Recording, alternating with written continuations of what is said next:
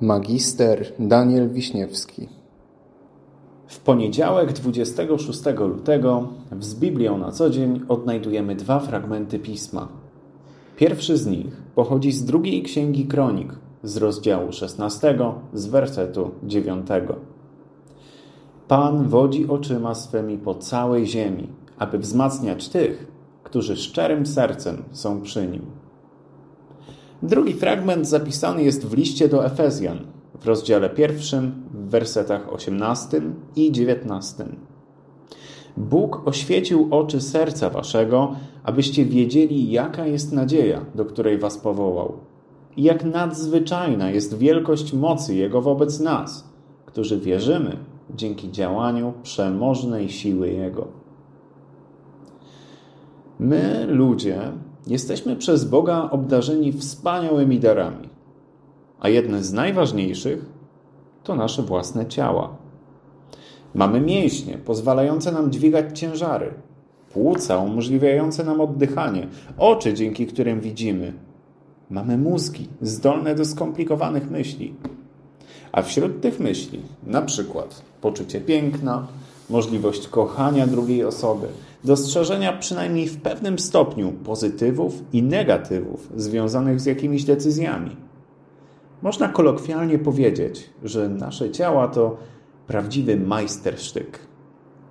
Ale właśnie, co do tej umiejętności analizy i oceniania, która pozwala nam podejmować dobre decyzje, nieraz zdarzają się w życiu sytuacje, w których po analizie na podstawie wzroku, słuchu czy przemyśleń, nasze położenie wydaje się nam beznadziejne.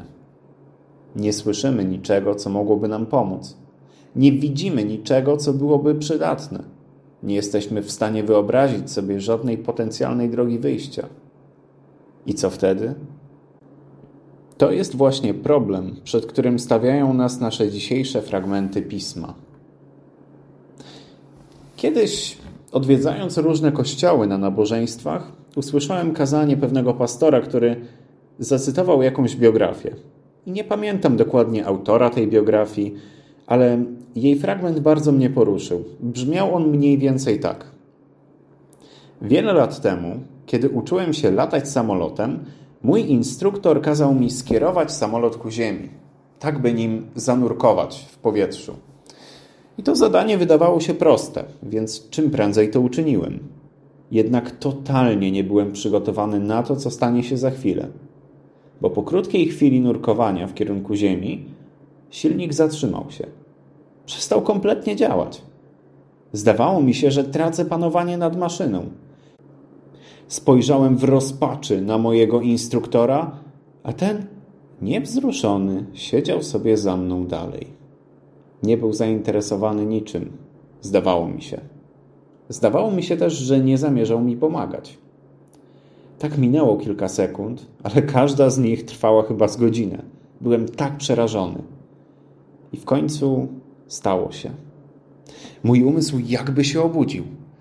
Przypomniałem sobie wszystkie lekcje, wszystko to, o czym mówił mi mój instruktor, było jakby przede mną, jakby przed moimi oczami. Zacisnąłem ręce na sterze i Wyprowadziłem samolot ze złej pozycji. Skorygowałem kurs.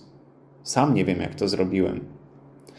I gdy wylądowaliśmy, zmarszczyłem brwi jak nigdy dotąd i wykrzyczałem całą swoją złość, prawdziwą furię w kierunku instruktora.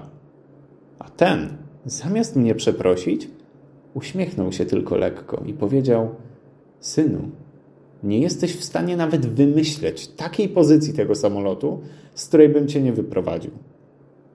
Zanim dałem ci to zadanie, byłem absolutnie pewien, że je wykonasz bezbłędnie, wręcz podręcznikowo.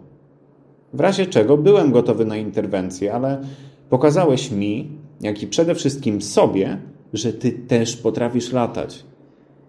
No a teraz, jak już sobie pogadaliśmy i dalej chcesz się uczyć latać, to wracamy tam i próbujemy znowu.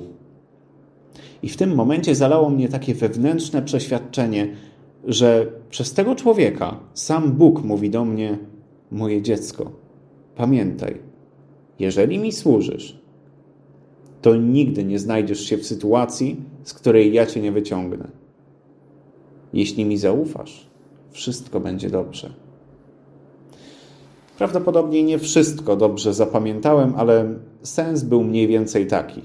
Braki uzupełniałem moją wewnętrzną poezją.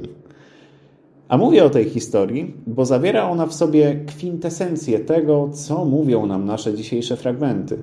Że niezależnie od tego, gdzie się znajdujemy, w jakim miejscu na Ziemi i w jakim okresie życia, Bóg potrafi nas znaleźć i udziela nam wsparcia za każdym razem, kiedy tego potrzebujemy i Go o to poprosimy.